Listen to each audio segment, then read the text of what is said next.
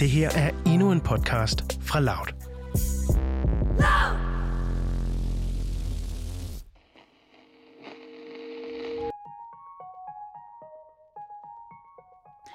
Det er sommeren 2020, og vi er på et kontor i Sydkoreas næststørste by, Busan. 26-årige Kim Som er faldet i snak med en kollega over en kop kaffe. Han peger pludselig på hendes blottede arm og siger, er det, hvad jeg tror, det er? Kollegaen er redder, og han genkender Arne på Kim Soms arm. Men han kan ikke få det til at stemme overens med den positive og smilende kvinde, der sidder over for ham. Arne på Kim Soms arm er fire år gammel og fortæller historien om en ung kvinde, der forsøgte at tage livet af sig selv.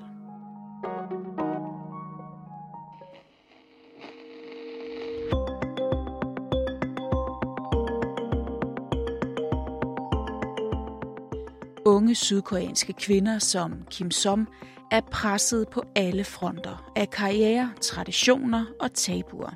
Og resultatet er dystert. Antallet af unge kvinder i Sydkorea, der begår selvmord, er eksploderet, og coronapandemien har kun gjort problemet større. I udsyn i dag tager vi dig med til Sydkorea, hvor du skal møde Kim Som, og hvor vi skal prøve at forstå, hvad pokker det er, der får de unge kvinder i Sydkorea til at tage livet af sig selv.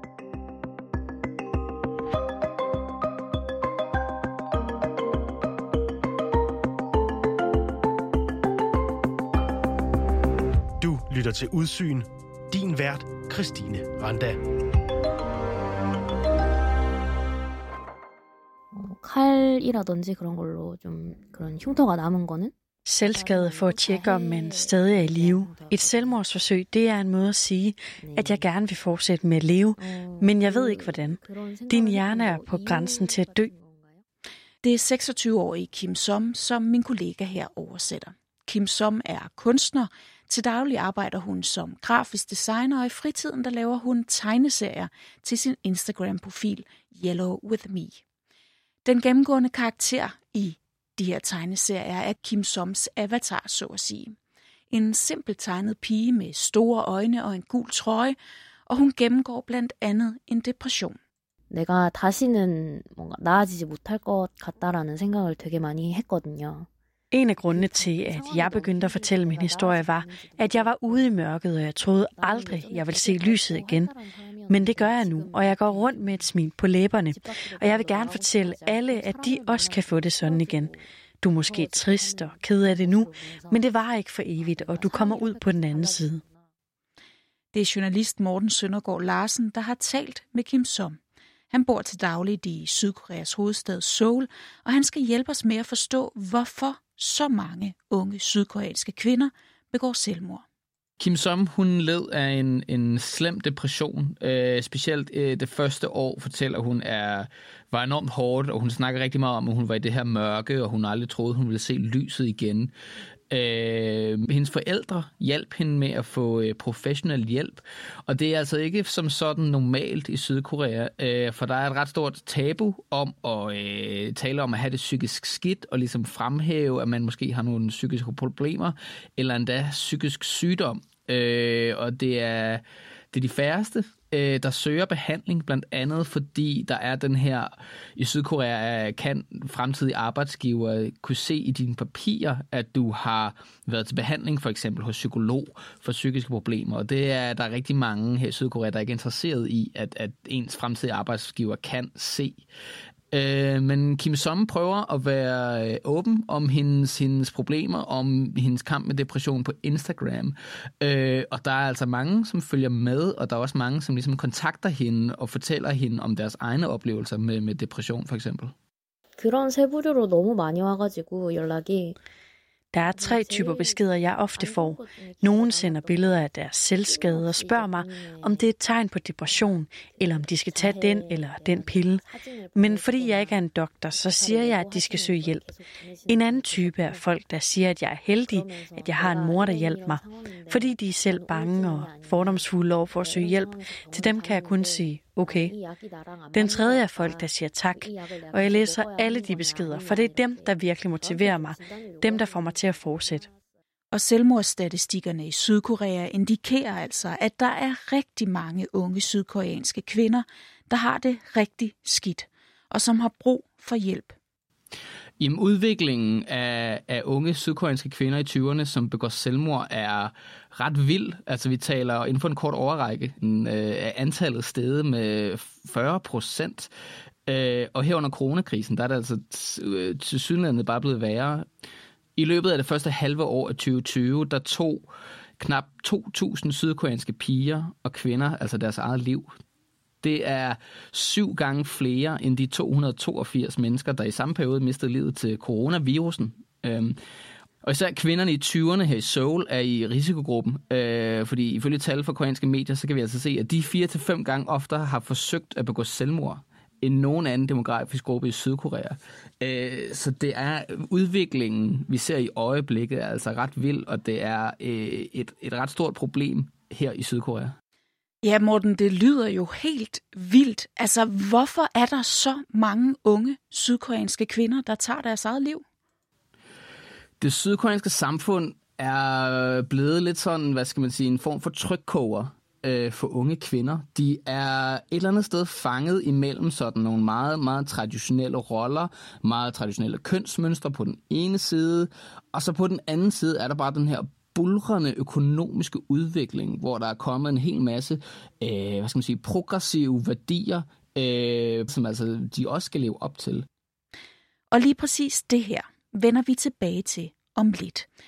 Men lad os først lige dykke lidt dybere ned i Kim Soms historie. Hun begyndte for alvor at mærke det pres, der er på unge kvinder som hende i Sydkorea, da hun startede på universitetet. 뭐 아시다시피 좀 우리나라 안에서 여성분들이 조금 jeg fik min depression, da jeg kom på universitetet, og jeg gennemgik depressionen der. Det ændrede mit liv utrolig meget, fordi at miljøerne på universitetet var meget anderledes fra gymnasiet. I gymnasiet der var det meget lige til, hvad man skulle gøre, men på universitetet var det en masse andet, du skulle læse. Du skulle være din families datter, du skulle være en kæreste. Alle de her forskellige miljøer, alt det jeg skulle gøre på universitetet, havde en stor indflydelse på mig. Og Kim Soms krop og sind begyndte at reagere på presset. 우울증이라고 처음에는 생각을 안 해봤어요. 왜냐면 Det gik som sådan ikke op for mig, at jeg var deprimeret, men jeg havde alle symptomerne. Jeg kunne for eksempel ikke sove, jeg fik blodnæse nogle gange på grund af stress, og jeg ville bare gerne have en pause fra det hele. Men selv hvis jeg tog en pause, så orkede jeg ikke at gå udenfor, eller være blandt mennesker. Jeg ville bare være derhjemme. Min mor sagde, at det var okay at snakke med en læge om det, og efter jeg gjorde det, fandt jeg ud af, at jeg var deprimeret. Og Kim Som, hun tror selv, at hun blev deprimeret og stresset, fordi at der pludselig var så meget, hun skulle være på én gang. 어, 그 앞에 말씀드렸던 것처럼 되게 역할 나에 대, 내가 여러 역할을 가지고는 있는데 jeg skulle finde ud af, hvem jeg var. Jeg var på universitetet, jeg arbejdede på en restaurant, jeg var en datter til min mor og far, jeg var kæreste til en mand. Og det gik op for mig, at hvis jeg fjernede de beskrivelser, og nogen spurgte mig, hvem er du? Så kunne jeg ikke give et svar. Hvis folk spurgte, hvad kan du godt lide, så kunne jeg ikke give et svar. Det gav mig utrolig meget stress. Morten, vi kan jo høre, at Kim Som kæmpede med at jonglere med en masse roller samtidig. Og det er der nok mange, der, øh, der oplever i forbindelse med at blive voksen også herhjemme. Men hvad er det, der presser de sydkoreanske kvinder sådan ekstra meget? Altså, der er en masse normer, der er en masse ting, som du skal leve op til. Øh, der er rigtig mange, som får stillet i udsigt, at de skal altså komme ind på et topuniversitet. Det er det, de kalder Sky Universities her i Korea. For du er nødt til at have en god, øh, komme ind på et topuniversitet, hvis du vil have dig et godt job. Det er sådan, det er det, der ligger i DNA'et i rigtig mange familier. Om hvis ikke du kommer ind på et godt universitet, jamen, så får du altså ikke et godt job, og så får du ikke en god fremtid. Du skal så selvfølgelig have gode karakterer, når du kommer ind på det her universitet. Du skal have en god praktikplads, du skal have gode kontakter, et godt netværk, fordi så kan du nemlig komme ud og så få det her så meget omtalte gode arbejde, gode job. Øh, men så når du møder ind på det her job, når du møder ind på den her praktikplads, så møder du pludselig en eller anden enorm mandsdomineret kultur og et meget mandsdomineret hierarki. Øh, så der er den her klare forventning om, at du skal gøre alt det samme som mændene, du skal gøre alt det rigtige, fordi så får du de samme muligheder. Men så når du kommer ud i virkeligheden, jamen så kommer du så er det nærmest umuligt at leve op til de her forventninger. Og samtidig så er der altså et stort pres fra forældre og bedsteforældre om, at de unge kvinder skal stifte familie og tage sig af hjemmet.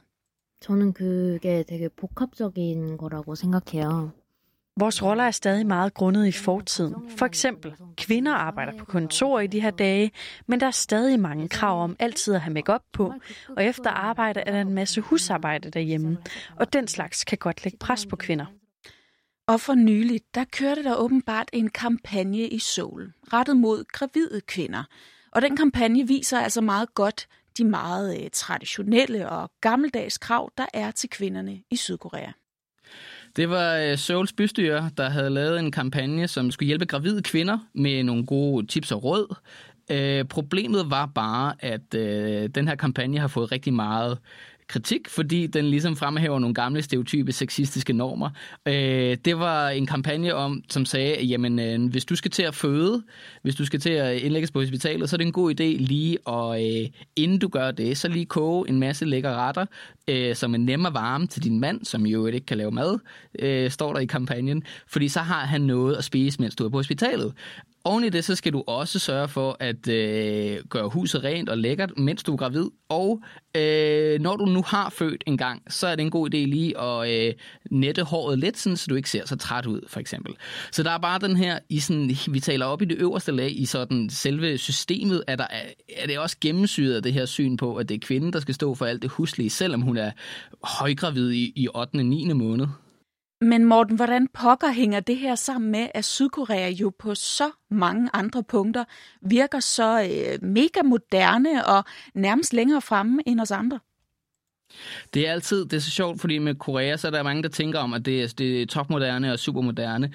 Men det er også fordi, der, de har oplevet en helt utrolig økonomisk vækst, som er blevet borget meget af teknologisk udvikling. Men det er lidt som om, den her udvikling er gået for hurtigt, øh, fordi normerne, de sociale normer, har slet ikke kunnet nå at følge med den her øh, enorme hurtige udvikling. Fordi der er bare en, en, en gennemsyring af, af traditionelle tankemønstre, som bare ikke spiller i hak med, at øh, kvinderne skal ud på arbejdsmarkedet og have toppositionsstillinger. Altså hvis vi kigger på The Economist, som laver en øh, glas, altså øh, glass ceiling index, øh, glass loft indekset kan man kalde det på dansk, som, som prøver at måle, hvor mange kvinder er der i toppositioner i landet. Der ligger Sydkorea altid i bunden og skraber bunden. Øh, så det kan godt være, at de har haft den her økonomiske udvikling. Det kan godt være, at de har haft alle mulige progressive øh, værdier på den måde, der ligesom er blevet øh, inkorporeret i systemet. Det har bare ikke fulgt med den generelle befolkning. Okay, så de sydkoreanske kvinder er altså klemt imellem fortidens traditioner og kønsroller på den ene side, og så det moderne samfunds progressivitet og karriereræs på den anden. Hvilket vi andre måske også oplever en snært af fra tid til anden, men det her det lyder altså til at være i en helt anden og ret ekstrem grad i Sydkorea, hvor begge sider stiller kæmpe store krav til kvinderne. Og når de så oven i købet heller ikke rigtig kan tale med nogen om det, eller få hjælp, så kan man måske godt forstå, at det går galt. Og Morten, du nævnte tidligere, at antallet af selvmord var steget endnu mere her under coronapandemien. Hvad skyldes det? Den krise, som coronavirusen ligesom har medført, rammer disproportionelt kvinder, øh, fordi de er ofte nogen, der arbejder i de udsatte brancher. Øh, det er dem, der arbejder i for eksempel rejsebrancher, det er dem, der arbejder i nogle prekære øh, deltidsansættelser, projektstillinger. Øh, så det har ligesom lagt yderligere pres ovenpå med de her, alle de her forventninger, der for eksempel er, øh, så har det jo så også øh, skabt en virkelighed, hvor det økonomisk bare ikke kan hænge sammen. Så coronavirusen har ligesom kommet på en eller anden måde og hævet gulvtæppet væk under en masse af de her øh, unge kvinder, der lige er begyndt at få fodfæste øh, på arbejdsmarkedet. Men det kan jo umuligt være i hverken befolkningens eller myndighedernes interesse, at så mange unge kvinder begår selvmord. Hvad gør myndighederne, og, og, og råber kvinderne også selv op? Altså, jeg har lige prøvet, jeg har prøvet at finde noget specifikt om, hvad myndighederne gør for det her problem, men der er, og det må man bare simpelthen sige, der er der altså bare ikke lige nu. Der er ikke nogen klar øh, regeringsindsats, der skal komme til det her problem til livs med unge kvinder, der begår selvmord. Øh, vi ser en masse øh, kvinder, der råber op om en bred vifte af problemer. Der er kommet en, en kæmpestor feministisk bølge i Sydkorea i løbet af de seneste år, øh, som prøver at råbe en masse problemer op, og der kommer selvfølgelig også nogle reaktioner fra myndighederne på de sider med for eksempel øh, at øge straffen for øh, sexforbrydelser, digitale sexforbrydelser. Men noget, der ligesom griber strukturelle problemer an i forhold til, hvordan kvinder ses i samfundet, det har vi altså ikke set endnu øh, i sådan en grad, at det er, det er nævneværdigt.